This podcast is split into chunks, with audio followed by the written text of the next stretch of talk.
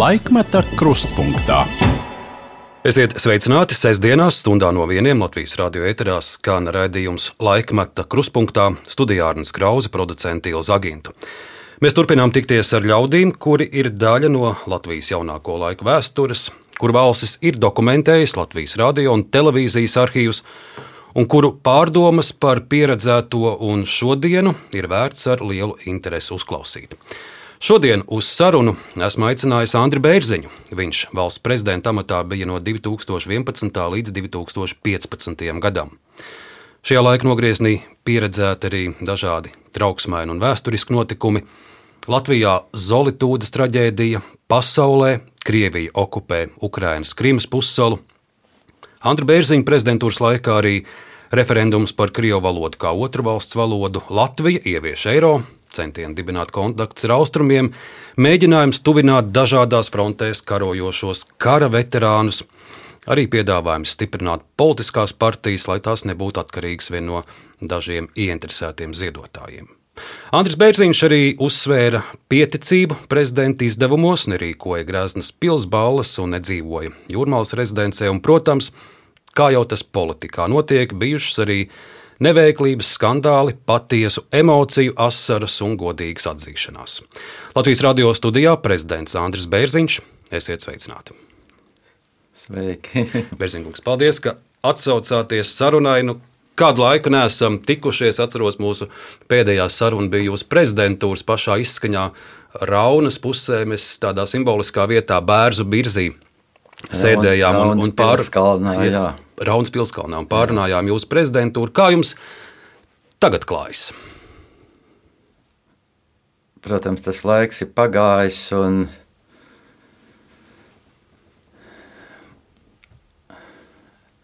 Katrā gadījumā es esmu centies saprast, kas notiek pasaulē visu laiku, meklējot dažādus avotus, lai varētu prognozēt arī savu dzīvi nākotnē.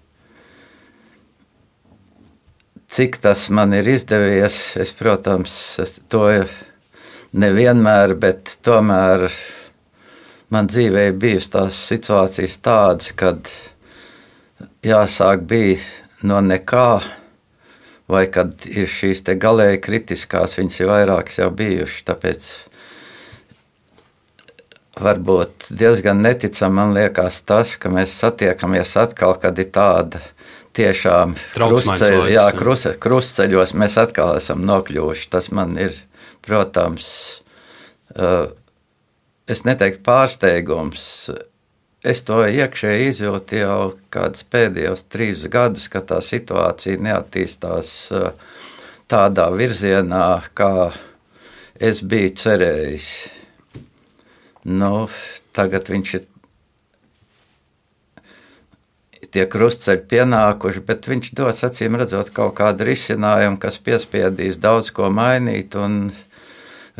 Tas, es ceru, tomēr būs pozitīvs virziens. Berziņkungs par Ukrajinu mēs vēl runāsim daudz un pamatīgi, bet, bet ievadā es esmu dzirdējis tā teicienu, ka nav bijušo prezidentu. Ja reiz tev ir bijusi šī prezidenta nasta, tā tev ir jānes uh, visu mūžu garumā. Kāda ir šobrīd jūsu ikdiena, ar ko ir aizņemtas jūsu domas, jūsu darbi pēc tam, kad uh, nolikāt prezidenta amatu? Man, protams, šī tēs, uh, nolikšana bija saistīta ar veselību. Jo trešdienā es nodevu savus pilnvarus, un pirmdienā jau pēc dažu stundu operācijas pamodos. Tāpēc tas bija tīri objektīvs noslēgums. Nu, varbūt tur es no tā varētu izdarīt secinājumu uzreiz, ka tomēr saprātīgi ir eh, nu, šādos amatās, kas prasa gan dzīves, eh, gan situācijas izpratni, gan arī tīri personīgs kontakts, tomēr būt šajā amatā ilgāk, ko es arī vēlētu visiem uz priekšu. Jo tas ir acīm redzami, kamēr tevi pasaulē nepazīst. Uh, Visi izturās ļoti piesardzīgi. Kad saprot, kas tu esi un kas no tevis ir iespējams, tad var paredzēt rezultātu. Jo tomēr arī kā patreizējā situācijā šīs cilvēciskās attiecības. Jā. Cilvēks pret cilvēku, it sevišķi tie, kuriem ir lielākā vara iedot rokās, gan valsts līmenī, bet it sevišķi to valstu, kurām ir, kuras tomēr eh, nosaka šo situācijas attīstību, ka tas ir vairāk kā svarīgi. Un tā es to saprotu. Jūsu paša ikdiena tagad, ar ko ir aizņemts jūsu domas un nu. jūsu darbi, es, kad biju reiz jūsu, jūsu mājā līgatnes pusē, redzēju lielu malkas grēdu, kur, kur kā teicāt, pats esot skaldījis. Kas ir, kas ir tas laiks, kā jūs pavadat tagad?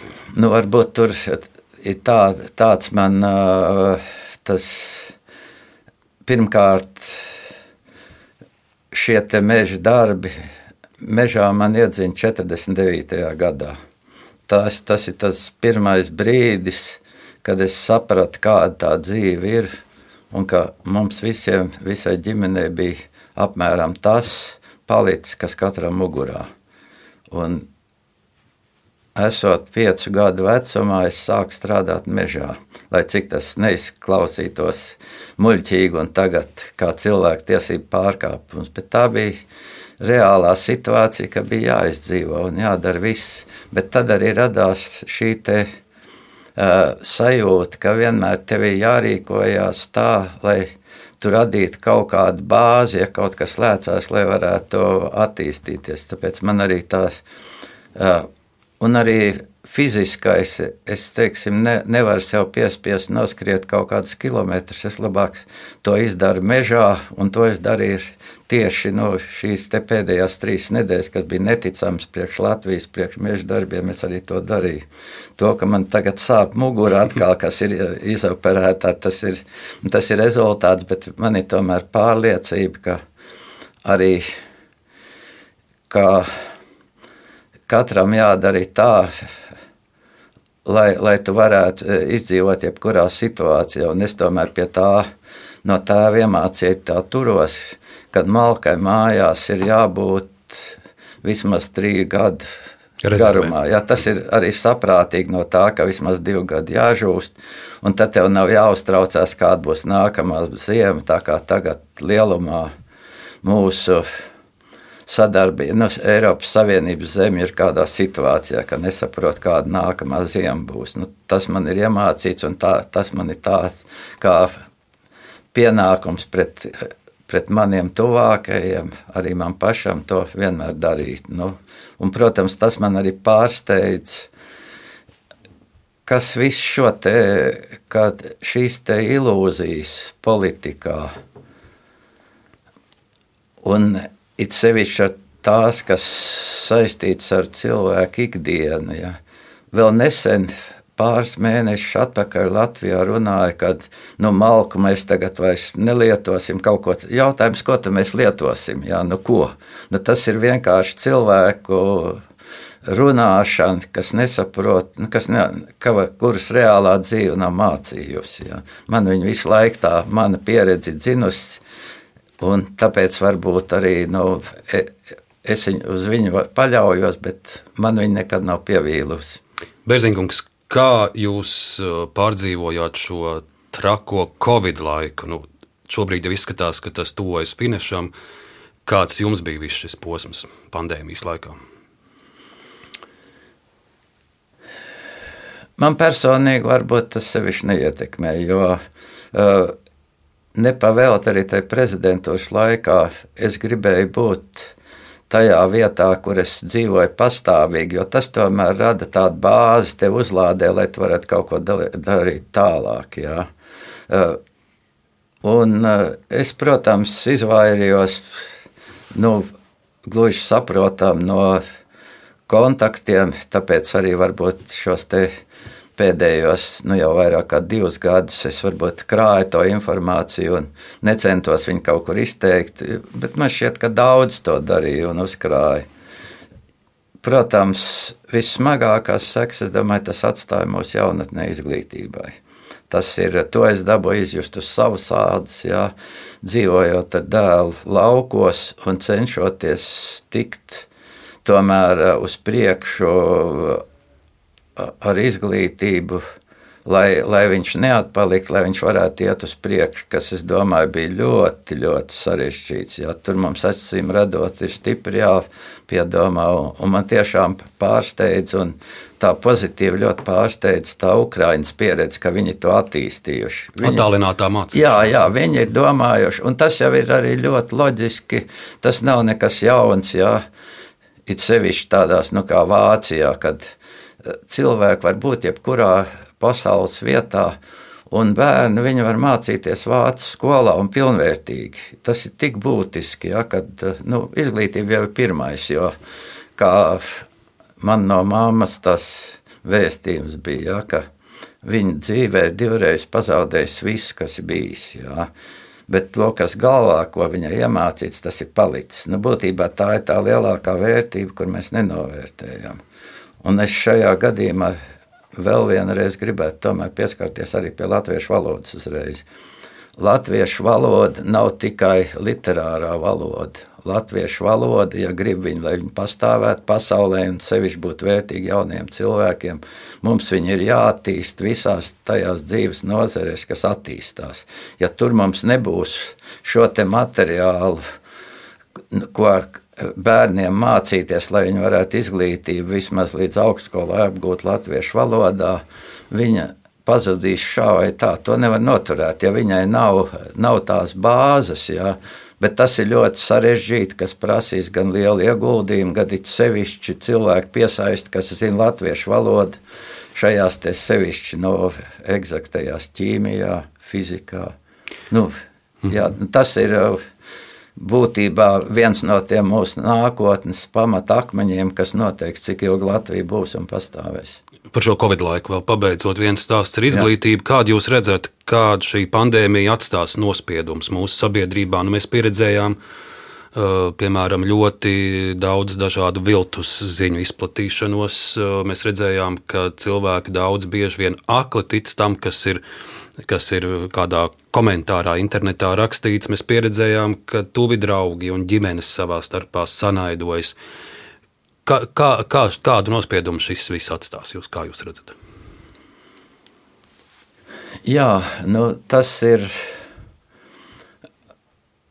Protams, šeit ir runājot par šīm melu ziņām. Ja ka tas ir tā uzpūsts uz šo brīdi, ja, ka viņš ir zaudējis, nu, ka viss ir palicis nu, tādā līmenī. Ja.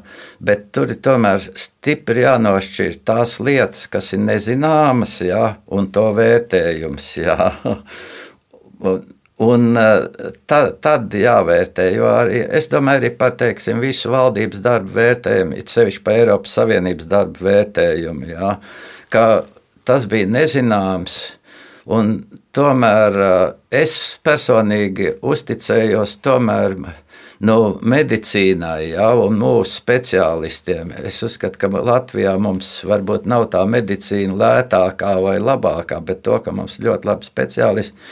Un es domāju, ka tas man arī palīdzēs, negudrojot gāju un centos vispotēties, visiem to teikt un centos arī pārliecināt. Un neviens man sevišķi acīs nelēca, nu, cits tāds kā nokaunējies, jutās, bet neko sevišķi, nu, kad es cilvēcīgi vienkārši teicu, ka mums tas ir tomēr reālais, ko, ko es redzu.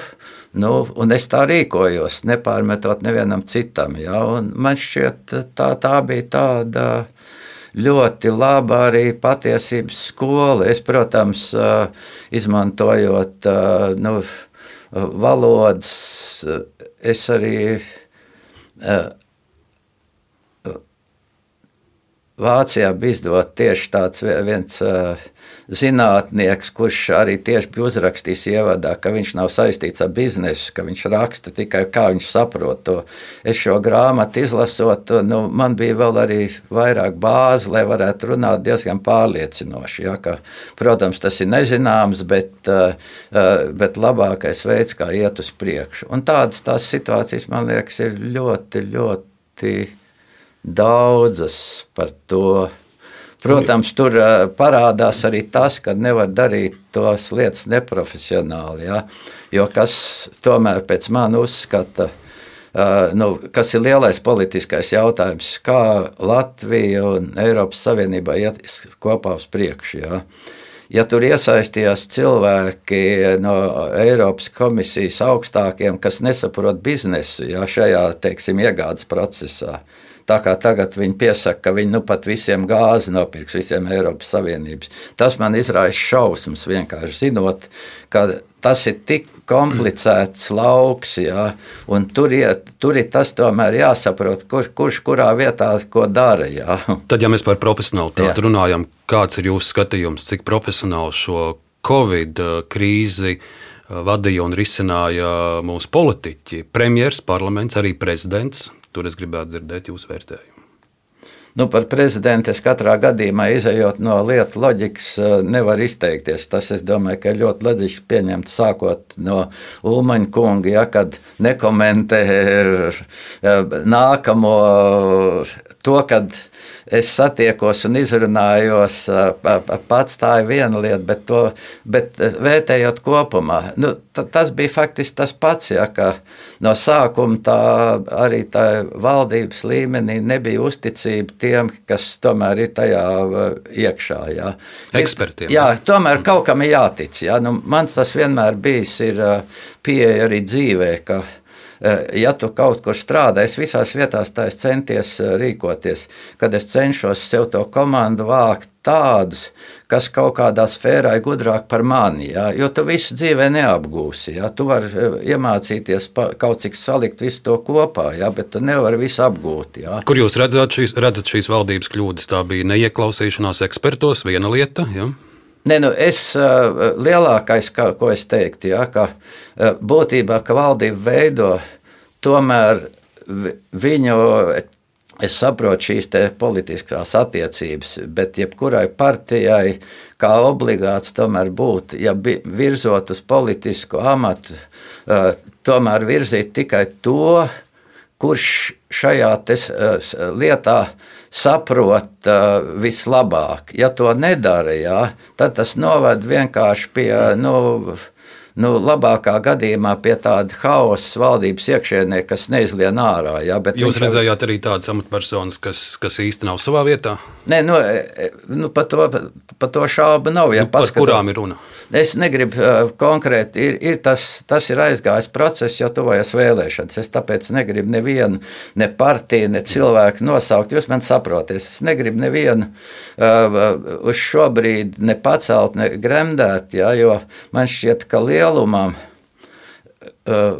nu, ir tās problēma tieši iekš tā, kā būs kā nākotnē. Jo sarežģītāka situācija faktiski, es nezinu, vismaz sākot no jau no 90. gada, es neredzu sarežģītāka situācija kā uz šo brīdi, kā, ko darīt uz priekšu. Jā, jo tas ir tomēr pats būtiskākais. Jā, kā, kā nu, un cik man iznāk ļoti daudz ar cilvēkiem sarunāties. Es faktiski tagad nevaru vairs iet par ielu. Sevišķi pirmajās dienās, kad sākās karš, katrs trešais gan arī gribēja man parunāties. Ja? Nu, es cilvēcīgi saprotu, es tāpat jutos nu, tik dezorientēts, ja? jo uh, ka, katru ietekmē savādāk, bet uh, teiksim, mani tas uh, nu, nu, radīja tādu nu, ļoti nu, sarežģītu sajūtu, un es, es viņus pilnībā sapratu. Bet par jūsu sajūtām Jā. šim karam sākoties, tas Jā. arī tas, ko es vēlos no jums dzirdēt. Jūs pats esat kara laika bērns, piedzimis uh, Otrā pasaules kara pēdējos mēnešos, kad vēl sīvas kaujas bija kurzemes frontē. Jūs noteikti no saviem vecākiem tuviniekiem uh, esat dzirdējis stāstus un zinat, kas ir kara šausmas. Dienā Tā rītā, 24. februāra rītā, kad jūs arī izdzirdējāt, ka Krievija ir sākusi okupēt Ukrajinu. Kādas bija tās jūsu pirmās izjūtas, pirmās pārdomas? Nu, jau runājot par to manu teiksim, pieredzi, man tā pieredze tāda. Es būtībā otrā pasaules kara beigās vēl nebiju piedzimis, bet biju nu, māte sēdēja pagrabā, kartupeļu pagrabā, tieši zem mūras kaujām, kas gāja no, no abām pusēm, mēs bijām pa vidu. Jā.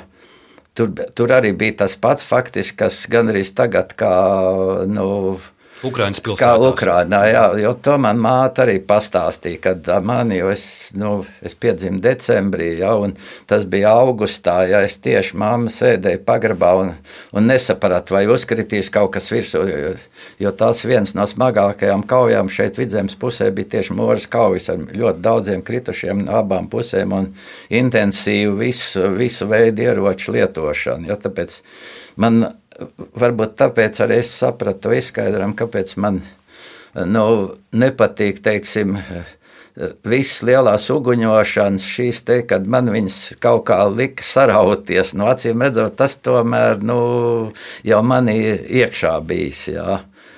Un man jau arī bija, es, bija tā iespēja pabūt Afganistānā un saprast, kā tie cilvēki jūtās. Jā. Jo, nu, kas Afganistānā, nu, kādas to pieredzi iegūta, ka tu tur nekad un nekur neesi drošs. Jā. Jo nu, tur varbūt nebija tik tēmēta, bet nu, to, ka tur bija iespēja nu, ļoti līdzīgi, ja, tas, tas man radīs. Un, protams, arī šīs situācijas, kādas bija 90. gadā, sevišķi 91. gada, tajā tomēr puča laikā tā situācija bija tik līdzīga. Braucot uz Valmieru, teiksim, kā tieši bija uh, augstākā padomē, bija tas balsojums par Latvijas neatkarību. Tur pienāca ziņa, ka Valmieras karaspēka daļas vadītājs, jauns komandieris, atbrauc, paziņoja, ka viņš pārņem varu ja, un grib, lai, lai es viņam kaut ko tur nododu. Ja, es devos uz turieni, ar viņu satikos. Nu, ja nebūtu trijos atnākusi tā ziņa, kad ir ka, ka visi mainījies, es nezinu, vai, vai mums šī saruna te notikt. Es neesmu pārliecināts. Tāpēc man tā šīs sajūtas bija nu, tik ka es varbūt pat savu dēlu ietekmēju. Es biju tā no rīta pasakot viņam, es parasti septiņos paskatos, man tādas nāk apkopojums Šveices ziņas, kuru parādās. Un pirmais tur bija sācies karš, un es viņam saku, septiņos ir karš sācies. Un viņš atnāk no skolas un saka, saprot, man tas tā satriec, ka es šodien nevarēju nevienu vārdu uzrakstīt. Ja? Tas nav tikai man, tas es domāju, ka ļoti daudziem. To jūs puika teicāt. Jā, jā, viņa tas tā bija ietekmējis, ka viņš tajā dienā faktiski bija nu, nu, pārslēdzies kaut kur pavisam citā. Un tas, es domāju, ir šis notikums man šķiet ļoti daudz arī jauniešu ietekmē. Ja? Un, un rada arī viņiem jautājums, ko tas īsti nozīmē un kā tas vispār ir iespējams. Ja kur nav atbildes, kā tagad tas ir iespējams un kāpēc tik tālu tas ir aizgājis. Jā. Tad, nu, lūk, ir šis jautājums, jā, kā jā. tas ir iespējams un, un kāpēc tas notika un kas īsti notiek Krievijas eh, prezidenta Putina prātā. To vaicāju jums tādēļ, ka jūs esat ticies ar Putinu, jūs esat aci pret aci ar Kremļa saimnieku runājis. Tas bija 2013. gads, Sočos notika olimpiāda. Toreiz jūs kolēģi uh, Ilves un Gribaus skaita izlēma nebraukt. Uh, jūs teicāt, ka ir jābrauc un ir jārunā. Jūs esat ar Putinu runājis. Kā jūs viņu varat raksturot? Ne, nu, tas uh, es tiešām uzskatu. To es uzskatu, neesmu mainījis. Es uzskatu, ka ir jārunā un jā, jārunā konkrēti. Jā. Un tas varbūt ir nu, nu, arī. Jā, Nu, varbūt es skrēju pa priekšu jūsu jautājumiem, ja, bet tā, tur arī es redzu atbildus šobrīd.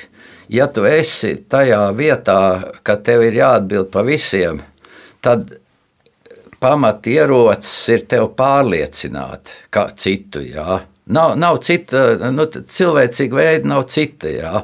Un tam kontaktam e, viņam ir jābūt. Jā. Noliegt var visu, jā, jo bez cilvēciskiem kontaktiem tā ir viss, man, es jau atkārtojos par to, tā ir man visciešākā pārliecība, tas ir jādara. Jā. Bet no šī kontakta, kāds jā. jums radās priekšstats par Putinu? Jūs viņu redzējāt, jūs dzirdējāt nu, viņu? Man bija ļoti īsa tā, nu, būtībā, nu, es nebiju ar viņu pazīstams. Jā.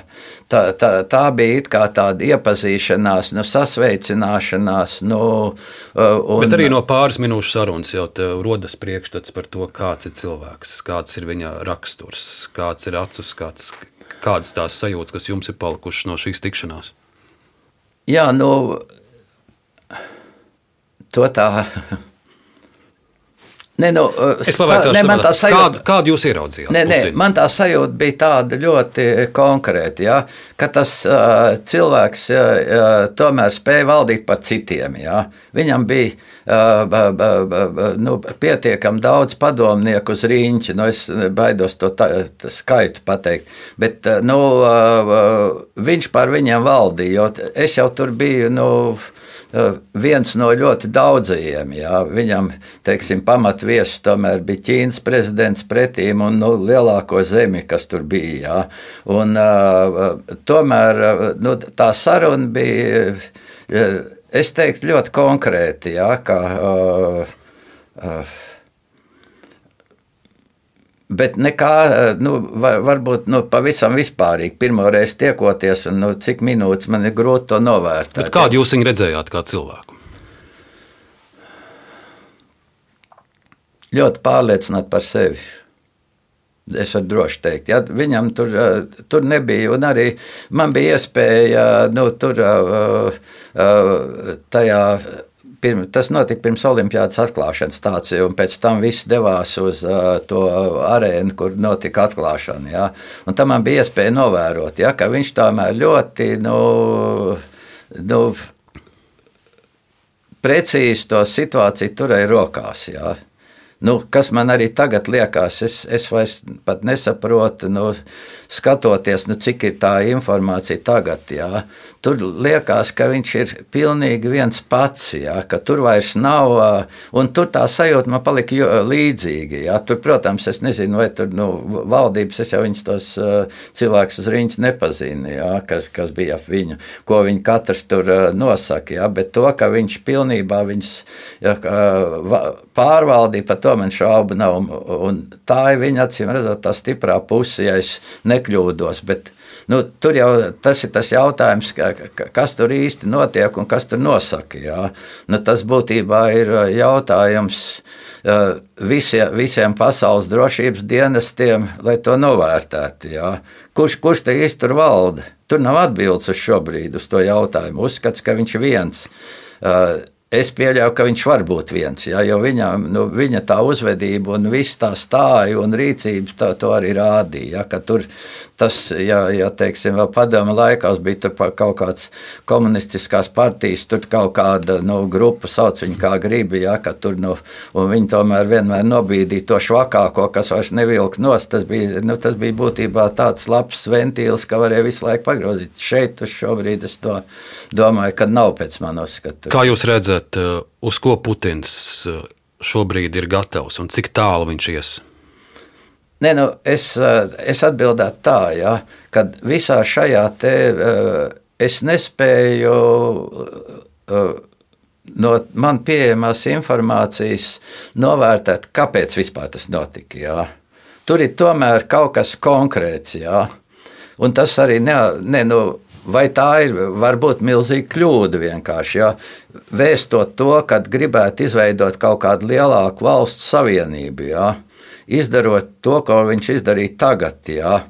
Tas uh, būtībā otro lielāko pasaules valsti. Man liekas, viņa arī pasaulē ir Ukraina otra lielākā, ne tikai Eiropā, ja, aiz Krievijas ņemot. Ja. Un arī viena no bagātākām pasaules valstīm, ja, ar ļoti dažādu no, cilvēku sastāvu. Viņš būtībā izslēdz viņu no tās kaut kādas iespējamas nākotnes. Tas vairs tuvākajos. Nu, pusgadsimtā tas nebūs iespējams. Nu, lai gan tās uh, atriebība, jau asins atriebība iet cauri gadsimtiem, to jau mēs redzam no Āfrikas, kas notiek Eiropā. Jā. Bet cik tālu jūs prāt, Putins ir gatavs iet šajā konfliktā? Nu, kas viņu var apturēt? Kas viņu var apturēt? Es baidos, ka tā situācija ir slikta tāpēc, ka uh, ir aizgājis tik tālu, ka viņam vairs nav ceļa atpakaļ. Jo uh, Nu, es, es pieļauju, ka, ka bija varbūt tā doma, ka veidot kaut kādu lielāku zemi, ja, un ka tas viegli tur padosies, pieliks bagātību klāt, un tā pārējos pievienot jau būs tāda nu, bērnu spēle. Ja. Un ka Krievu karavīrs Ukraiņas pilsētās sagaidīs ar ziediem. Un tas nenotika. Nu, jā, nu, ne, nu, tā, tā varētu būt. Nu, es baidos novērtēt uh, to situāciju, jo uh, Es visur esmu pēc tā 90. gada bijis, bet es, eh, tā arī man, eh, es nebiju faktiski ne Krievijā, ne Baltkrievijā oficiālā vizītē, man likās, ka es, teiksim, sevišķi Baltkrievijā es trīs gadus nodienēju, it kā, ka, eh, nu, domāju, ka es tos cilvēkus jūtu un zinu, jā, un bet bija. tieši tādēļ, kā, kā, kā jūs redzat to pašu Lukašenko vai jā. Putinu, kas viņus šobrīd var apturēt? Nu, Tas ir būtībā diplomātijas jautājums. Ja, kā vai nu grib liels upurs, vai tomēr diplomātiski atrast tādu ceļu, kā atrast tur risinājumu. Bet daudz saka, ka Putins saprot tikai spēku. Jā, nu, tā, tā tas nu, es neizslēdzu, ka tā tas ir, bet nu, tad, tad es, ja tā to vērtē, nu, tad tas ir skaidrs rādītājs, ka viņa vērtējums, kas man arī pēdējos trīs gadus ir tāda sajūta radusies sevišķi par Eiropu, par Eiropas Savienību, ja, ka viss tā rīcība tā, pamazām ved uz tādu, nu, uh, kopīgās sistēmas pavājināšanos. Un tas viens no tiem iemesliem, kāpēc viņš tā tik droši sāka, bija arī tas, ka vērtējot, ka nu, tie jau tur nav vairs, ar tiem nav ko rēķināties. Tas ir viens no lieliem iemesliem, pēc manas uzskata. Nu, kā daudzam ir vēl viens iemesls, ir Krimas okupācija, pēc kuras Putins redzēja, jā, bija kaut kādas sankcijas, bija kaut kāda reakcija, bet principā diezgan viegli viņam nācās sagrābt šo Ukraiņas teritoriju. Tātad tas bija 2014. gads, kad pirmo reizi kopš augstā kara laikiem atkal tika pārzīmētas robežas, un tas ir laiks, kad uh, jūs esat uh, Latvijas valsts prezidents un un uh, aktīvi arī starptautiski iesaistieties uh, visos notikumos. Uh, pēc Krīmas aneksijas Džo Baidens, tobrīd ASV viceprezidents, dodas uz Viļņu un tiekas ar trīs Baltijas valstu prezidentiem. Vēlāk arī Baraks Obama dodas uz Stallinu. Mēs saņemam garantijas, ka NATO piektais pants uh, sargās mūsu neatkarību, mūsu robežas. Un ar dažiem arhīvu citātiem mēs šo trauksmaino laiku, kas saistās ar uh, pirmo Ukraiņas okupāciju, tagad arī atcerēsimies. Šī te, uh, situācija arī piespiedīs mums šajā enerģētikas plāksnē runāt. Protams, no uh, Amerikas puses viņi arī solījuši, ka atvērt savu to gāzes tirgu eksportam, kas varētu būt ilgākā termiņā ļoti spēcīgs signāls. Jā. Un, bet tas arī spiež mums radīt, nu, darīt tos praktiskos darbus, nevis diskutēt par, par gāzes savienojumiem, bet jādara tās lietas, kas primāri ir vajadzīgas, lai mēs varētu justies droši. Lūk, jau toreiz ir stāsts arī par enerģētisko drošību. Ir pagājuši kopš šī nu, jau astoņi gadi cik tālu mēs ar savu enerģētisko neatkarību esam tikuši. Nē, nu, tieši tas, tas, bet tur var būt to izējot no tās situācijas jau drusku iepriekš, pirms tā 14. gada. Jau pirmā tikšanās ar, ar Turcijas prezidentu Giļa kungu, jā, man bija Čikāgā, NATO sajietā, jā, un mēs tur reizē iepazināmies un reizē sākām arī uh, spriest par šo situāciju, kāda ir tieši Krimā. Jā. Jo Turcija bija ļoti ieinteresēta šajā jautājumā, tieši Krimas jautājumā. Kādā ziņā? Viņu interesi, jo tatāri, tur lielā tatāru kopiena, jā. Un eh, arī pēc tam eh, tiekoties ar Erdoganu, eh, ar viņiem abiem man izveidojās ļoti tādas labas attiecības, jo, ko arī Erdogans parādīja, ka, ka viņš kļuva par prezidentu, pirmā vizīte bija Latvijā no viņa. Un visu, visus šos sevi, sevišķi arī pēc tam ar Erdoganu visu laiku tika spriests par to situāciju. Viņam interesē mans viedoklis, kā es to redzu, kā tas tur varētu attīstīties. Jā, jo viņš arī sevišķi Erdogans ļoti skaidri izteicās par visu, teiksim, mūsu, es zem mums domāju, visu, teiksim, sevišķi Eiropas Savienības rīcību, ja, it sevišķi Afganistānā, it sevišķi Irākā, Un it sevišķi Lībijā, kas tā arī bija šis, šis laiks, ja, ka, ka mēs absolūti nesaprotam šīs valstis, to iekšējo situāciju, ja, ka viņi, e, viņi karos līdz pēdējām par savu valsti, ja, pazaudējot visu, ka mēs negribam to saprast, ka mums tur nav ko darīt. Ja. Nu, nu tādu, viņš, viņi tomēr bija NATO valsts, jā, viņi to saprata, ja mēs to nesapratām. Jā. Nu, tas, vai tas bija NATO teiksim, miera aizstāvības pasākums vai kas tas bija? Jā jautājums, ko Erdogans ļoti asi arī izteicās par to, ja, kad, vai to var uzskatīt par aizstāvības pasākumu. Ja. Nu, to mēs līdz šai dienai nesapratām par to enerģētiku. Ja. Tāpēc es arī teicu, sākumā es esmu visu laiku sekojis tai enerģētikai arī savos laukos vienmēr, eh, nu, ne tikai savos, centies teiksim, darīt visu ar šiem zemes siltuma ie, ie, ie, iekārtām, likt. Man bija ļoti liels, ja, un kad bija zema nakts, naftas tarifs elektrībā, ja, kad varēja pa nakti viņas labprāt darbināt un dabūt ļoti re rezultātu. Nu, lūk, jūs esat kā teikt, eh, ticis vaļā no Putina gāzes vai no šīs gāzes nu, jā, nu, adatas, bet cik tālu eh, mūsu valsts kopumā ir sekmējies ar šo visu? Nē, nu, mums pa daudz ir runāts un pamaz darīts. Jā. Es esmu arī pats personīgi uzlicis divus saules paneļus jā, par 10 kW un, un brīnījies, kā, kāpēc ierobežoja uz 10 kW. Sevišķi lauku teritorijās, kur uz zemes vietas ir vairāk kā vajag, jā, kas nevienam netraucē, kas varēja. Tas viss netika darīts. Jā. Un tāpēc visu laiku man tāda kasīšanās arī bija, kad es atceros to desmitā gadā, kad es nokļuvu parlamentā ja, par šīm te par elektroenerģijas attīstību. Viņš jau nekas nav, būtībā mēs esam 11 gadus runājuši, neko uz priekšu īsti neesam pagājuši. Ja. Nu, tā jāatzīst. Ja. Nu, varbūt daži, kas uh, iemanījās uh, sevišķi nu, pēc šīs te tirgus atvēršanas, ja, kas tagad ir iedzins mūsu pilnīgā, teiksim, uh, purvā izējot no tā, ka mē, mēs gandrīz esam pašpietiekami, bet maksājam par to nepie, lielo nepietiekamību, nu, kas ir Eiropā. Nu, tā katastrofa, nu, man šķiet, arī viens no tiem katastrofas pamatiem, kas izraisīja šo te, uh, tagad Ukraiņas krīzi, tieši tā enerģētika.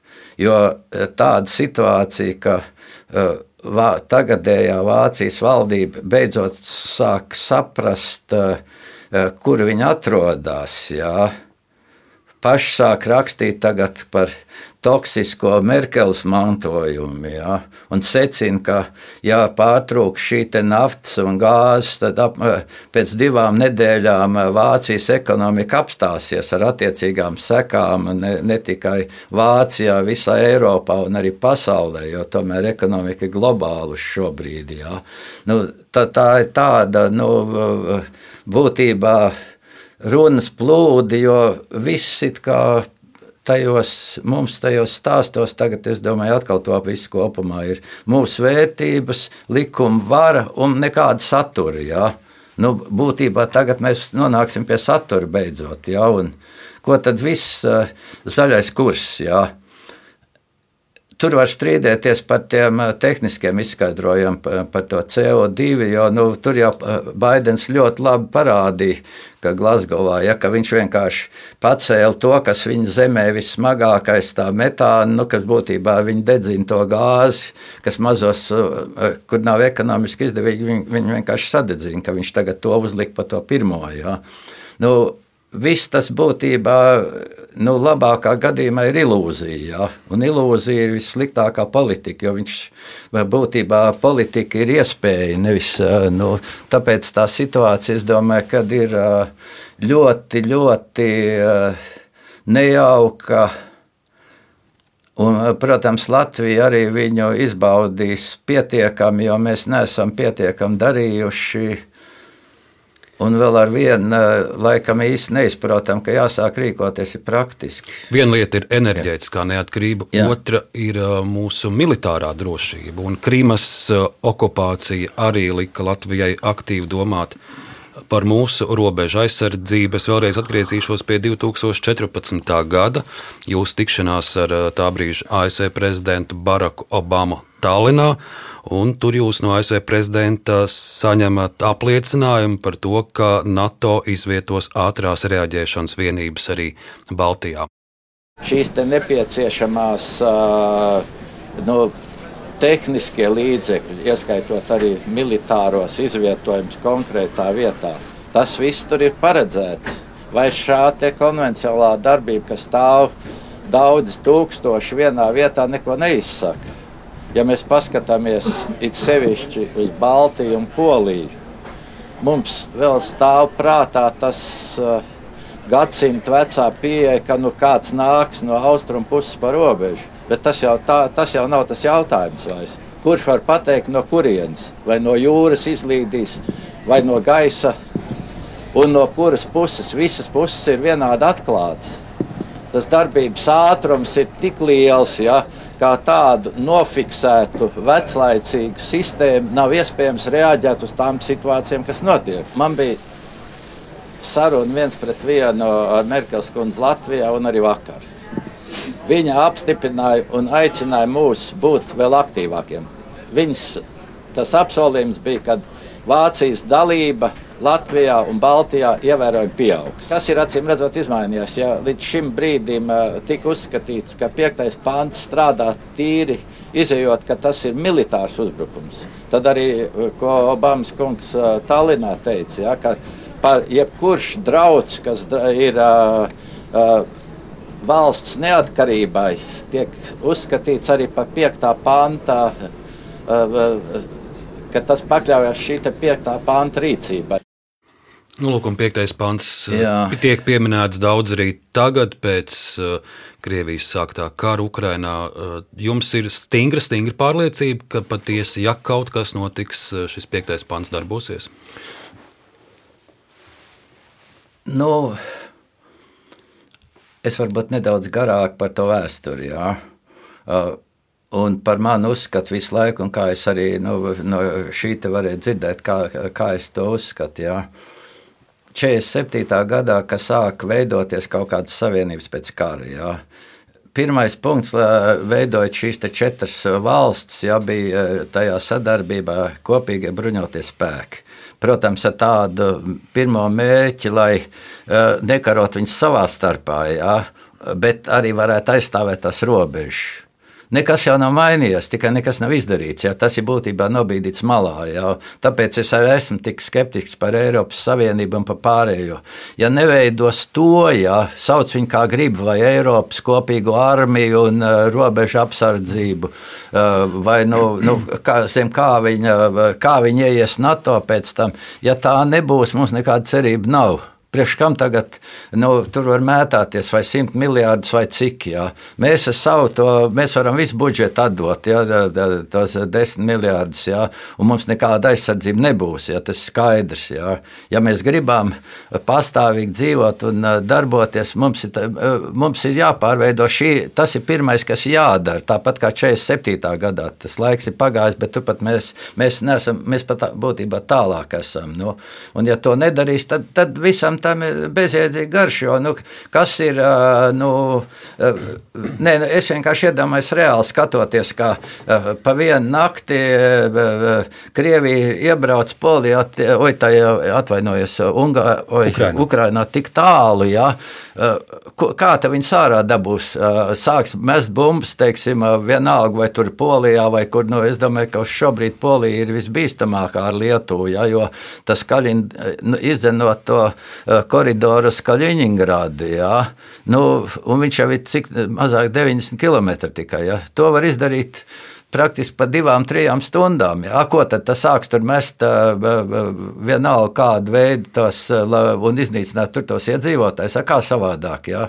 Tāpēc tas piektais pāns faktiski neko nenodrošina, ja nav reālā tā izveidota, ja nav dabā. Ja? Tas ir būtībā vēl viens papīrs. Nu, varbūt drusku stingrāks par zaļo kursu, ja kuram vispār nav nekāda ne pamatojuma, ne arī nu, mm. reālās rīcības ja, izstrādāt. Nu, tas ir tas pats. Nu, tur atkal mēs pie tā paša nonākam, kad nu, būtībā kad mēs neesam izdarījuši to, kas bija jāizdara. Nu. Jūs sarunas uh, ievadā pieminējāt savu puiku. Es nezinu, vai viņš jums to ir prasījis, bet, ja nav, gan jau noteikti prasījis, uh, cik droši mēs Latvijā tagad varam justies. Viņš man, piemēram, prasīja tādu jautājumu, kas nozīmē, ko tas nozīmē aplenkt. Jā? Nu, nu, viss tāds. Bet par mūsu drošību. Nē, nē, nu, es domāju, ka viņš atbildēt? man drīz viņš to prasīs, jo viņš ļoti uzmanīgi sekoja. Ļoti tā, nu, nu, viņš izjūt tās, nu, tā, tās briesmas jau tur. Nu, ko jūs atbildētu?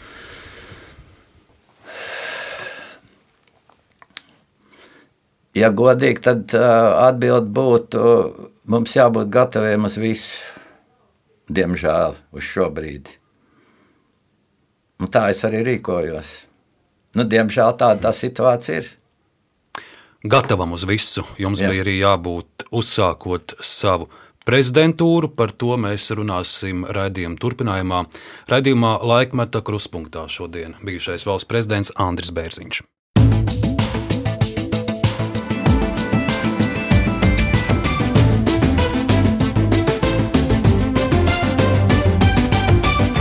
Laikmeta krustpunktā.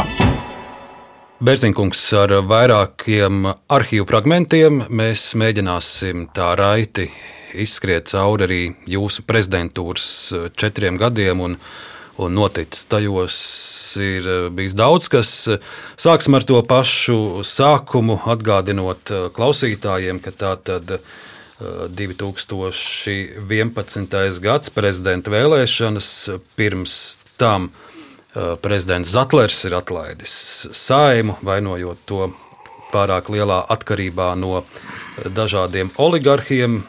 Notiek prezidenta vēlēšanas, un, eh, kā raksta tā laika prese, jūs pats sevi izvirzat šim amatam, un vēlāk arī saima ar 53 balsīm par jūsu apstiprina.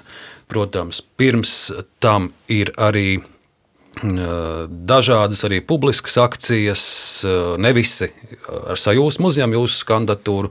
Es pats biju klāt prezidenta vēlēšanu dienā un teikt, varu jums šodien godīgi, tīri cilvēcīgi. Man bija jūs žēl tajā brīdī, kad jūs iznācāt no sēmas, jo tur bija diezgan liels ļaužu pulks. Uh, Uh, nu, es teikšu, gluži vai metās jums virsū, un jums tur nācās uh, arī ļoti emocionāli uh, runāt ar dažu labu vīru un, un skaidrot, kas jūs esat un no kurienes esat nācis. Un tie un paši siltākie sievieti, kas tagad ir parlamentā, jā, man liekas, labi atceros. Ines Vojka jums stāvēja plakāta aizmugurē, arī tā, tā, ir tiesa. Bet arī ne tos siltākos ceļvārdus jums deva arī jūsu priekšgājēji, vai arī Vīta Freiberga. Uh, mazs fragments no jūsu ievēlēšanas brīža. Paklausīsimies. Ja es dzirdu šo rezultātu, nu pat šo momentu, tad es teiktu, ka ne tikai mums nesākās jauna ēra, bet mēs esam, manuprāt, diezgan krietnus soļus atkāpušies atpakaļ savā tieši politikas neatkarībā no oligarhiem šajā jautājumā. Es šeit saskatu soli atpakaļ, nevis uz priekšu, diemžēl. Es tiešām man jāatzīstās, ka Bērziņa kungu es absolūti nepazīstu. Neatceros īpaši viņu redzējuši, kā televīzijā uzstājamies un, un īpaši runājam izņemotājs vienās debatēs ar prezidentu Zatleru. Un viņu nepazīstot, es tik tiešām neesmu, man nav iespējams komentēt par to, kā viņš to varētu darīt. Te atkal, nu, lēmums ir pieņemts, tad mums atliek tagad vērot uh, un skatīties. Lūk, tāds bija tas pats, pats sākums jūsu prezidentūrai. Jā, nu, es to labi saprotu. Jā, nu, uh, bet uh, atbildot, nu, tā, ko Vaira teica, jā, es nekad uh, neizsaku viedokli par cilvēku, kur es nezinu un nesaprotu. Ja? Tas, tas nu, to nedrīkst darīt pēc mana uzskata. Ja? Bet, bet es ceru, ka viņi neuztver to kā pārmetumu, jo mums ir ļoti labas attiecības. Mēs pēc tam mēs satikāmies un no tā brīža mēs ļoti labi saprotam viens otru, to, ka mēs esam dažādi, bet to, ka mums tā dzīves pieredze ir tik liela, ka mēs varam gan nu, novērtēt to situāciju, gan arī meklēt ceļus. Nu, to arī tas pierāda faktiski. Tad, tas uh, mans teiktais par enerģētiku tajā 11. gadā, jo tā, tā ir mana dzīve bijusi. No meža, kad es iznācu, kad uh, varēja kāpt, uh, teiksim, skolas gados, jau vidusskolas gados, arī augstskolas gados, es kāpelē pa stabiem, biju Latvijas energo darbinieks. Un, nu, Man tā profesija ir pamata radiotehnika, kas ir saistīta ar enerģētiku. Nu, un, tāpēc, un skolas ka... gadi, skolas jā. gadi jums paiet Nītauras pusē, un uz Nītauru jūs dodaties uh, savā prezidentūras pirmajā dienā, 2011. gada 8. jūlijā, apmeklējot uh, dzimto Nītauras skolu. Uh, Mazs fragments epizode no šī mirkļa.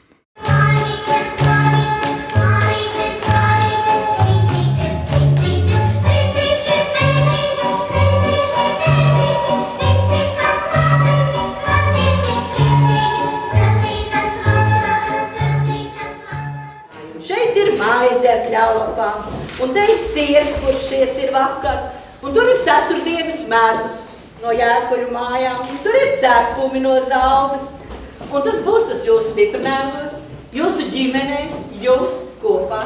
Un līdz tam amatas novada Vimperis, kā es teicu, amatas novadām ir amatas upes vārds, 58 km gara, ne pārāk liela, bet visiem zināma, reizēm ļoti nepaklausīga un nepakļāvīga. Lai jums ir šis upes nepakļāvīgums.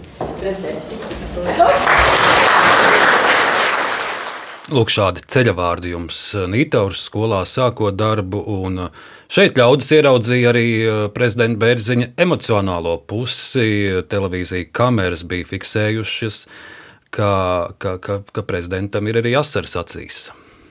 Man viņas ir varbūt pa bieži pat, jo tā sevišķi šīs te atmiņas ir no. Nu, skola bija glābiņš arī no smagā darba, jā, jo pēc skolas atkal vajadzēja. Un, un skola tomēr bija arī tāda nu, ļoti smaga dzīves skola tajā laikā, ka tur jau tomēr bija tas sadalījums diezgan noteikts. Tie ir ienaidnieki un tie ir mūsējie tajā laikā. Es biju ienaidnieks, varbūt man tādā ziņā bija vieglāk, nebija komjaunatnē jāstājās, un tajā laikā vienkārši tur tas bija tāds savādāks, un ko es vēl līdz šai dienai atceros par to. Tad bija ļoti daudz vilku, jau bail bija iet mājās. Jā, nu. Un tad veikalā mana ma brāle, kas mazāks par mani vēl par pusotru gadu, nepārdeva sērkots, viņa sakot, tie ienaidnieki vēl kaut ko nodedzinās. Tāda bija tā pieeja, un tai skolai jau arī bija tā viss, bet tā mana audzinātāja, Gailis kundze, tad viņa bija, jā, kad viņa man bija audzinātāja. Viņa tomēr prata, nu, tie skolotāji prata gan salikt tos bērnus kopā, gan arī, nu, Uh, mācīt godīgi tajā laikā, cik labi vien tas bija iespējams, jo tā tomēr man to bāzi ielika, kad es viegli gāju cauri visam, uh, nu, caur skolu. Nu, tāpēc es dabīgi, nu, tā, tas viss uh, tāds atsauc man visu to atmiņā, un tā situācija jau mums nebija īsti nekā. Ka, Mums bija viena cepura. Tēvs nebrauca uz meža ziemas cepuru, un tā mamma skrēja nesa mums to ziemas cepuru, lai mēs varētu aiziet mājās, ka bija 20 grādi augsts. Ja? Nu, tas viss man ir tāds, nu, nu, kā es domāju, ka lielumam tas tā pirmā skola tomēr ieliek no to, no to dzīves sajūtu un cik cilvēki var būt. Uh, nu, reizē labi un reizē slikti, bet nu, es tur esmu pārliecināts, ka lielums tomēr ir labi, ka tikai atsevišķi. Nu, tā, tā, Jūs prez, jūs prezidentūras gados bija gan uh, gaiši brīži, gan arī uh, melnas lapus. Un, protams, tā traģiskākā ir saistīta ar Zolītūdas traģēdiju īsi pēc notikušā jūs devāties uz Latvijas televīziju un sniedzāt savu paziņojumu un savu vērtējumu. Un, un, un daudzi komentētāji ir teikuši, ka tā ir bijusi jūsu prezidentūras stingrākā un noteiktākā runa, fragments no jūsu uzstāšanās Latvijas televīzijā. Šī tomēr ir, šis ir gadījums, kur jāsauc skaidri, ka tā tomēr ir milzīga skaita neaizsargāta cilvēka slepkavība. Tā arī attiecīgi būtu jārīkojas. Mums jāmaina daudz kas pamatos, jo normāli pasaulē eh, pēc šādiem notikumiem neskaita uh, zīmogs un paraksts, bet uh, tieši atbildīgās personas, kas ir parakstījuši, nokļūst izmeklēšanas izolatorā, kas būtu arī ļoti vēlams šeit pie mums. Un, protams, uh, atzīstot Latvijas celtnieku ļoti liela profesionālitāte. Es tomēr uzskatu, ka mums nekavējoši ir jāiesaista neatkarīga ekspertīze no citas zemes, kas nav nekādā veidā saistīta ar šo celtniecības biznesu un arī ar uh, mūsu likumdošanu, ka šī tomēr ir kompleksa lieta, ka tas nav viens un tas nav. Viņu nevar saukt par nelaimes gadījumu, jo daba tur nav piedalījusies. Tas vakars bija tomēr kā īsts veļu vakars, mierīgs, kluss un tikai migla nāca lejā. Ne, tur nevar pārmest neko ārējiem spēkiem. Tā ir mūsu pašu ilgi tomēr krātā nelaime, kas ir realizējusies ar tik šausmīgām sekām. Tāpēc es domāju, ka tur ir jāiesaist starptautisks spēks, ka nevar šo lietu pētīt un izmeklēt pusgadu pēc pusgada būs tās aizstāvības tādas uztaisītas, ka liksies, ka visi svētāk par eņģeļiem. Bet māja sabrukus, viņi izskatās tā sabrukus, kā dienvidos ceļ no saulē sacep un ar lopu mēsliem samājas, ka viss sabrūk pilnīgi. Tas, tur es piekrītu tai versijai, ka tur nav viena, viena, viena kaut kāda ka, tikai konkrēta, ka tas ir tomēr vesela ķēde, kas ir krājusies gadiem un realizējusies tādā rezultātā. Tur ir acīm redzami, ka mēs esam sasnieguši to kritisko robežu. Un, diemžēl tas, ko es teicu par valdību, šī nāves ēnā, tā, tā nāve ir pārgājusi tīri par cilvēkiem mūsu. Mēs vairāk tā turpināt nedrīkstam. Un mums ir tiešām jāizbeidz šīs spēlēšanās, ka mēs tēlojam politisko atbildību. Kas ir politiska atbildība? Kad cilvēki aiziet vienkārši projām, bet šeit eh, tās politiskās atbildības sekas ir redzamas jau un tādā veidā, kuras ir pilnīgi neatgriezenisks. Mums ir jāmaina daudz kas gan politiskajā sistēmā, it sevišķi izpildvaras sistēmā, te ir pilnīgi skaidri redzams, ka uh, vājums un neat, ne, ne, bezatbildība visos līmeņos. Mēs esam radījuši tādu amorfu sistēmu, kas uh, nodrošina, lai neviens ne par ko neatbildētu. 2013. gada 21. novembris Zolītūdas traģēdijas arī vēroju, kā jūs klausāties tagad šo fragment ar, ar, ar dziļu ieelpu. Nu jā, bet es, es tāpat arī tagad domāju, ja? un es par tām lietām, nu varbūt tā ir man tā problēma, ka es necenšos viņu izpušķot, bet es saku to, ko es domāju. Ja? Tur, tur, tā, tur tā varbūt ir man tā nelaime bijusi, kas man ir nu, radījis arī dažādas problēmas. Jo, nu, bieži vien sliktākais ir teikt, ko tu domā. Jā. Un, ja to dara tomēr politiski persona, tad tas rezultāts ir. Nu, Nevienmēr tāds kā. Bet, nu, bet es domāju, ka tas nepieciešams bija tajā laikā, jo nu, tas, tas bija acīm redzami. Ja, tur, nu, tur, nu, es, uh, Un tās faktiski jau tā tas arī beidzies. Tur, tur nekāda gala nav, nu, tur nekas nav konstatēts faktiski, kāpēc tas notika. Nu. Un tur ir jau daži cilvēki, kas pēc tam tajā nākamā nedēļā izteicās profesionāli. Es domāju, ka viņiem bija taisnība, ko viņi tur stāstīja. Jā. Bet to jau neviens neņēma galvā, jo tas ļoti daudziem bija būt neizdevīgi. Nu, tur... Un ko viņi teica? Nu, tā vai, vajag pagriezt atpakaļ to, kas tad. tur, lai viņi paši to, kas, kas teica, nu, tur bija pietiekami skaidri, un mans tās domas tādas pašas. Nu, es, es savām domām izteicu to kopēju. Nu, pārējie nācījiem redzot, kas, kam prasīja, ko viņi atbildēja tajā tiesas priekšā, es nezinu. To jau tas ir palicis, ir noslēgts. No. Tur beigās izvilka, cik es sapratu, tas spriedums bija uz vienu cilvēku, kas, mm. kas nu, tur noteikti nebija tas gadījums, ka tā tas ir Jūs nu pat teicāt, ka jums uh, patīk teikt skaidru valodu, tad nu, es arī turēšu jūs pie jā, šī vārda. Tagad jau ir tāda laika distance, es vēlētos no jums dzirdēt uh, skaidru stāstu, kas īstenībā notika ar šo politiskās atbildības notikumu, ar šo politisko atbildību, kur uzņēmās Valdis Dombrovskis atkāpjoties no amata. Toreiz izskanēja, ka šo lēmumu viņš ir pieņēmis pēc tikšanās ar jums. Kāda, tagad ir laiks pagājis, jūs varat atklāt, kāda bija jūsu saruna ar tā brīža premjeru un, un kurā brīdī viņš nolēma atkāpties, un cik daudz jūs pats uz to mudinājāt viņu? Es, protams, precīzi vairs neatceros, ka mēs runājām. Jā. Es varu droši apgalvot, no manas puses, mēs vienkārši izanalizējam to situāciju, jā, kāda viņa ir izveidojusies. Jā, bet uh, tur nebija mans spiediens vai ieteikums dari tā. Jā.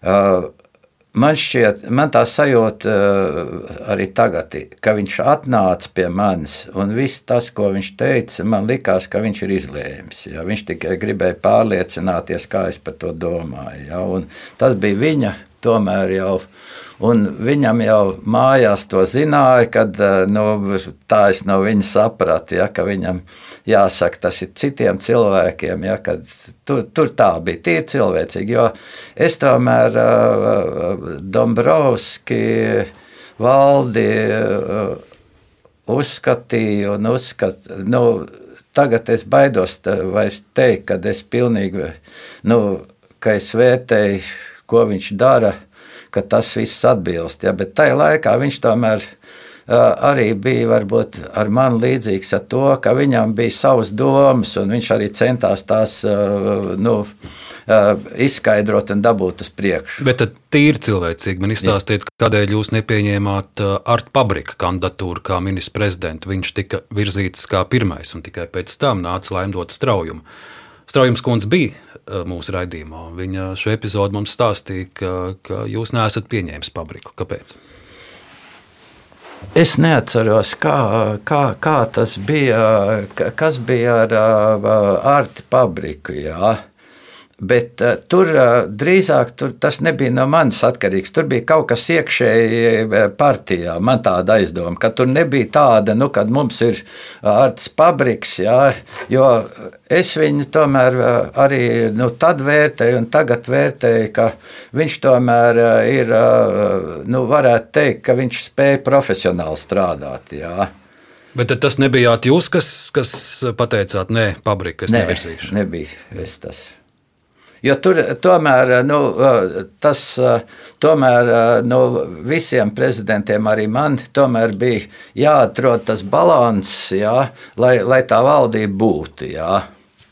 Un tas nebija, nu, to jau var tagad arī just. Visu laiku ir, nav tur tāda, teiksim, nu, arī kā, nu, ja tas bija jau manam pēcgājējam, nu, tagadējās valdības, nu, cik tas gāja ilgs mēnešs. Mm -hmm. Nu, tur tas ir būtībā nebija iekšējā konsensus.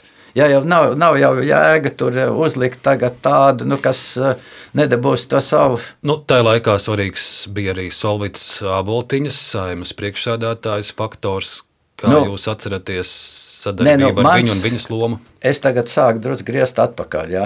Mans uzskats eh, bija tomēr eh, skaidrs arī, jā, ko es uzskatīju. Jā, kad, uh, valdošai partijai vai nu, ir jāiet valdošās. Mans priekšlikums visu laiku bija pastāvējis to aboltiņu, ja viņa ir partijas priekšsēdētāja, viņai jābūt premjerei. Jā. To jūs arī teicāt. Jā, nu, bet nu, tāds arī mans uzskats bija. Tā, tā, tā, tas, es, un kāpēc jo, viņa nekļuva par premjeru? Arī iekšējas, iekšējas situācijas dēļ. Jā. Tieši iekšējas situācijas. Jā, tur tas, tu, tur arī parādās tā uzreiz atbildība. Protams, tur tas eh, nevar teikt, ka tas ir tas labākais, jo to sevišķi tagad, eh, eh, kāpēc es tā saku, nu, es varbūt biju absolūts, tā, nē, nu, tā, tā pieeja, kad partijas vadītājiem jābūt ir augstākajā postenī, viņi ir loģiski, jā. Protams, Vācijas gadījumā, jā, kā tas notika. Būtībā Vācija pārkāpa vispārējo bausli, ja, kad nevar būt tajā virsējā amatā vairāk par desmit gadiem. Ja. Tur būtībā viņi paši izspēlēja, var pārmest Baltkrievijai, arī Vācijā 16 gadus pēc kārtas, un tas arī noved pie tās situācijas. Nu. Berzinkungs, vēl viena epizode no Jā. jūsu prezidentūras. Uh, ir 2012. gads un uh, notiek referendums par krievu valodu kā otru valsts valodu. Tā, protams, bija provokācija, kuru iesāka uh, Vladimirs Lindermans un, un uh, viņa dombiedri, bet tas viss nonāca līdz referendumam. Jūsu pozīcija sākumā ir stingra. Jūs publiski sakat, ka jūs pat šo visu uzskatāt par nevajadzīgu avantūru un uz referendumu neiesiet. Bet pēc tam savu viedokli mainat, un kas zīmīgi, es tagad pāršķirstot arhīvus, atrodu, ka tā, es jūs intervēju panorāmas ēterā, un, un jūs nākat ar šo jauno pozīciju, ka jūs tomēr uzskatāt, ka referendumā ir jāpiedalās. Fragments no mūsu sarunas 2012. gada 30. 2012. gada 30. janvāris. Valsts prezidents Andris Bērziņš šokar panorāmas studijā. Prezidentkungs, esiet sveicināti! Labāk, jā. Jūs šīs dienas paziņojumā vairāk būtiski akcenti par uh, šā brīža aktualitātēm valstī, bet uh, es vēlos uh, sākt ar jautājumu, kuru uh, gribēju uzdot jau pie pirmās iespējas, kad būs tāda uh, iespēja jūs satikt un iztaujāt, un šīs vakars šī ir tā reize. Vai jūs neesat mainījis domas, vai jūs joprojām paliekat pie tā, ka 18. februārī jūs neiesiet uz referendumu? Es šo te paziņoju pašā sākumā, kad sākās šis referenduma process. Un es uzskatu, ka tomēr referendums ir sekas esošai politiskai un ekonomiskai nestabilitātei, un tikai sekas. Tajā laikā es uzskatīju, ka tas ir tomēr absurds pasākums. Es savu uzskatu, kā pilsonis, nesmu mainījis Bet kā valsts prezidents, skatoties šo situācijas attīstību, es esmu spiests tomēr savas domas mainīt un referendumā piedalīties. Lai aizstāvētu valsts valodu un aicinu arī visus Latvijas pilsoņus to darīt, jo nākotnē mums tomēr ir viena un kopīga un tikai. Vai šo jūsu lēmumu ietekmēja arī diezgan asi komentāri gan no Mārs Zālīts, kur bija lasām par šo jūsu lēmumu, gan teiksim, šodien Latvijas radio. Bijusī prezidenta Vairvīķa Freiberga arī saka, ka obligāti ir jāiet uz referendumu, jo, ja šis uh, dalībnieku skaits būs mazs, tad mēs varam sagaidīt no starptautiskās sabiedrības uzbrukumus, ka paši nevēlamies aizstāvēt savu valodu. Vai, vai šos viedokļus arī jūs ņēmāt vērā? Protams, Māra Zālīte vislielākā cieņa viņas darbam un ieguldījumam Latvijā, ka viņas nopelni tiks novērtēti droši gadsimtos. Man par to nekādu šaubu nav. Attiecībā par, par Vairas Vīķis Freibergas šo nostāju, es tomēr uzskatu, ka mēs esam stipri pasaulē. Un ka jautājums par valodu, kā jau teicu, ir tikai sekundārs. Bet, ja vajag visiem kopā būt, tad ir jābūt. Tā Andris Bērziņš, valsts prezidents, intervijā Latvijas televīzijai 2012. 2012. gadā. Jā, nu, es jau faktiski savas domas nekad neesmu mainījis. Man jau nav šaubu par latviešu valodu. Jā. Bet par to pieeja politikā, ka valoda tiek uzsvērta kā kaut kāds. Nu, sevišķi tagad, kā krievu valoda spēlēt, ka tas ir kaut kāds ļaunums. Ja? Es tam absolūti nepiekrītu. Un, ja, ja spēlējās ar valodu politikā, tas ir ļoti nesaprātīgi un netālredzīgi. Un, nu, tas šobrīd notiek diezgan nu, izteikti. Ja? Tur jau drīzāk ir tehniskais jautājums, ka, ka viņš ir jāsakārto tā, lai tā valoda pilnībā varētu skolās visās iziet cauri lai, lai, viņi, lai viņi būtu neapstrīdama valsts valoda no, arī no tā satura. Ja? Ka viss, viss var cilvēks apgūt ar viņu. Nu, ja nevar, tad, tad tas ir mūsu vēl neizpildīts mājas darbs tikai. Nu. Tā. Katrai prezidentūrai ir sākums un noslēgums. Jūsu prezidentūras noslēgums 2015. Jā. gada pavasarī. Pirms tam arī dažādi minējumi, vai Andris Bērziņš kandidēs uz otru termiņu, vai to nedarīs, līdz beidzot jūs pat šīm spekulācijām pieliekat punktu, sakot, ka uz otru termiņu vairs nekandidēsit. Un novērtējot uh, savu prezidentūru, gana emocionāli tie vieni pāris teikumi, bet uh, tajos uh, jūsu kopsavilkums par padarīto tas ir 2015. gada 4. maija, trīs zvaigžņu ordeņa pasniegšanas ceremonija un arī no jūsu puses īss rezumējums par saviem prezidentūras gadiem. Lūk, fragments.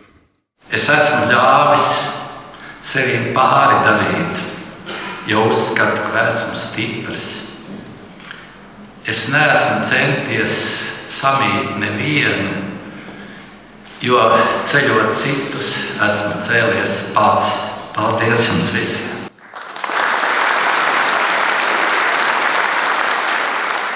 Es tā vienmēr esmu domājis, un arī domāju tagad. Es nekad neesmu centies pakāpties uz citu, lai tālāk redzētu. Tā tas tiešām ir. Un, uh, Tas var patikt vai nepatikt, bet es uzskatu, ka tas ir tomēr visgodīgākais ceļš, kā iet uz priekšu. Jā. Tā, tas nekas nav mainījies, un tas ir bijis man tomēr visu dzīvi cauri. Jo visus to no, tā, lai katrs, katrs paliek pie savām domām, bet tāpēc jau man nav jāapstājas. Es eju uz priekšu un daru savu darbu, kā es to izjūtu un saprotu.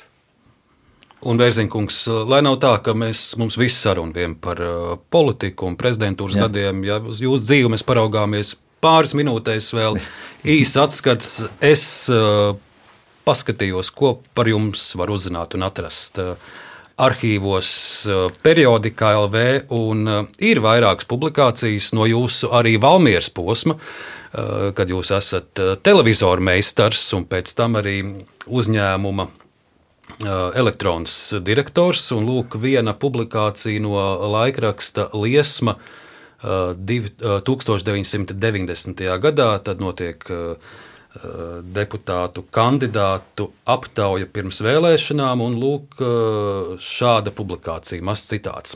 Daudzi savu par un pret izsaka arī telefoniski, daudzi atnākot, pastāstot, atceroties uz redakciju. Kā Sirmā Rujienieta Ilga Birkava, lai pasakot kādu labu vārdu par Andriu Bērziņu, jo tādu cilvēcību, kādu jutusi, kad viņš tolaik kā elektrona direktors kārtojas viņas televizoru remonta lietas, to nekad nespēšot aizmirst. Un, uh, Sirmā Rujienē esot pārliecināta, ka Andris Bērziņš būs īsts deputāts mūsu rajonam, mūsu Latvijai. Tāds citāts no jūsu Valmieras posma. Tā ir, tā ir tiesa, ka jūs Valmierā gluži vai katram otriem esat uh, televizoru remontējis. Es domāju, ka Valmjerā nu, es, es pat neatceros, vai kādam, bet nu, nē, nu, man tā vēsture ir tāda, ja, kad uh, nokļūstot uh, vispirms augstskolā es sāku, tad bija viņa, man liekas, automātikas fakultāte. Uh, pēc pirmā kursa man tieši trāpījās, kad uh, sāk ņemt armijā, un es trīs gadus nodienēju. Armijā es biju radists. Jā, nu, Un atnākot atpakaļ, es drusku pārslēdzu no automātikas, bija, un radiotehnikas bija kopā. Tā bija viena radiotehnikas fakultāte, un es sāku radiotehnikā, radiotehnikā bet man jau tā pieredze bija Bet mācoties tajā laikā, man jau neviens nebalstīja. Man bija pašam sevi jābalsta. Es vienkārši sāku šo te darīt. Nu, tas sakrit, bija tas laiks, kad bija sākās krāsainā televīzija. Tad man tas studiju beigu laiks. Ja, Tad jūs sāku... bijāt tieši krāsu televizoru. Jā, jā nu, Rīgā mēs bijām tādi, nu, man arī tie kursa biedri bija un uh, izstudējušie, nu, pamatā tur bija nu, latviešu un ļoti daudz uh, ebreju, kas pēc tam arī uh, emigrēja, pazuda pasaulē, un es viņus satiku, teiksim, pat Ņujorkā.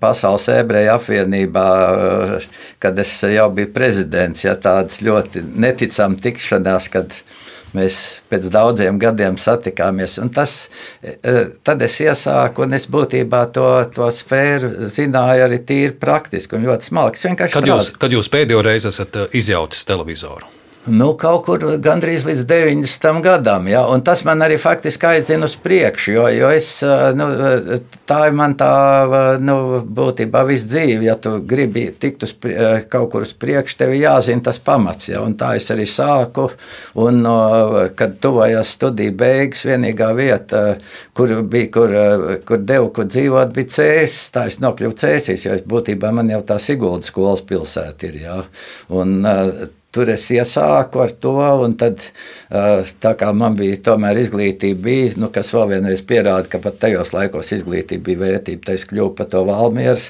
un tad man bija visi tie jautājumi jākārto, un nu, tiem cilvēkiem, nu, es jau, es neatceros to kundzi, nu, es, vis, es darīju visu cilvēcīgi, jau, un arī zināju, ko daru, un tāpēc arī viņi bija varbūt apmierināti, un redz, tas Valmierā jau bija jocīgi arī man tā karjera faktiski.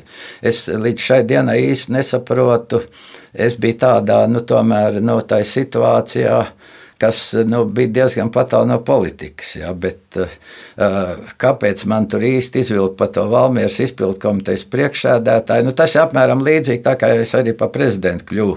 Ne es tur īsti tā gribēju, ne negribēju. Nu, pirmo reizi, kad, uh, nu, kad valdes atlēra uh, ievēlēja, tad man tur piedāvāja, nu, es tur tikko biju beidzis strādāt tajā tomēr Unibankā. Es biju piekusis tā, ka nu, tas nebija viegli viegls tas periods, ka es atteicos, ka es negribu. Nu, tā tas viss notika. Tur tie cilvēcīgi viss tas bija.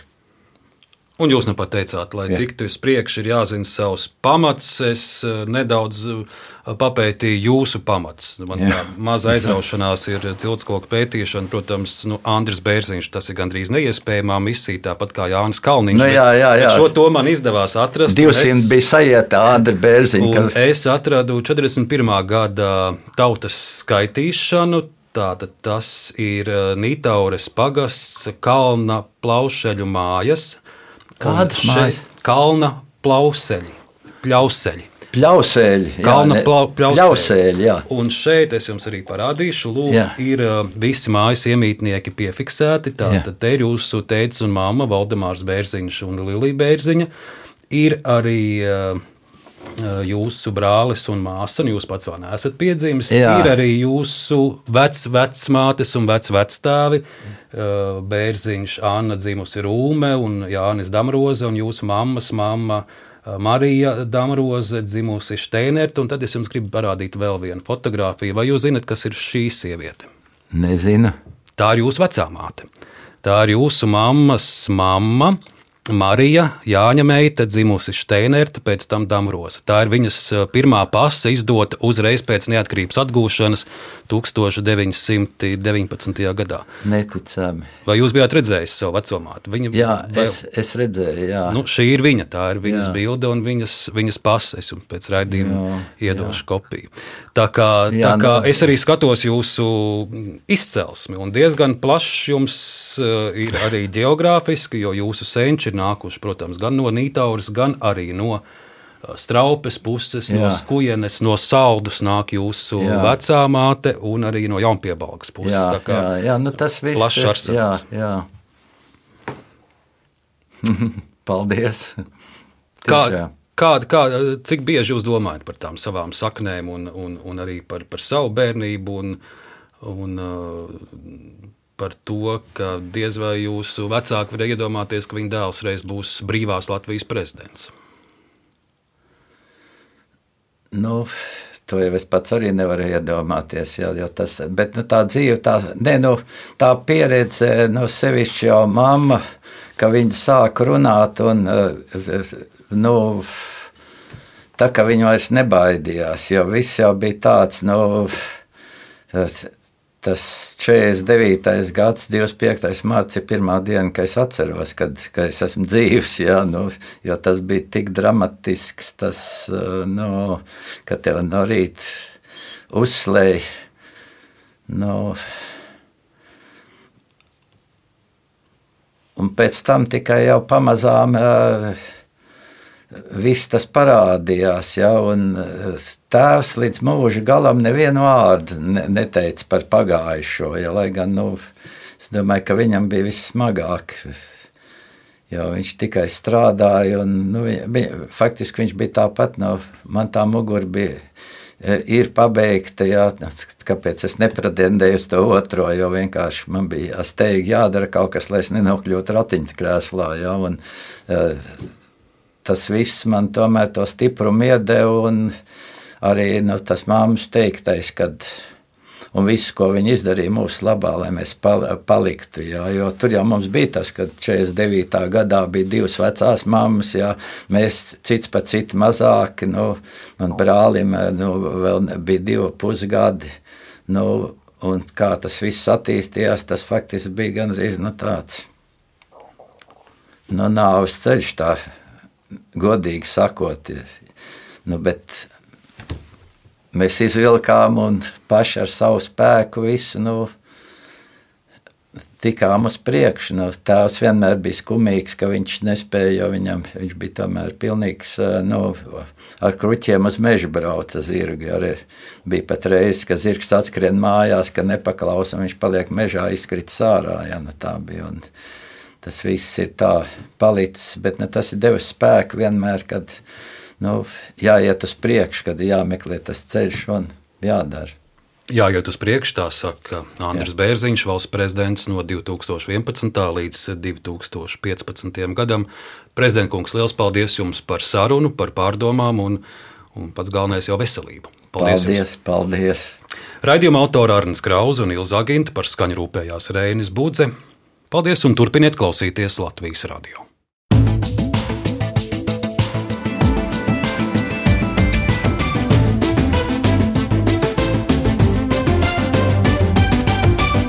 Laikmeta krustpunktā.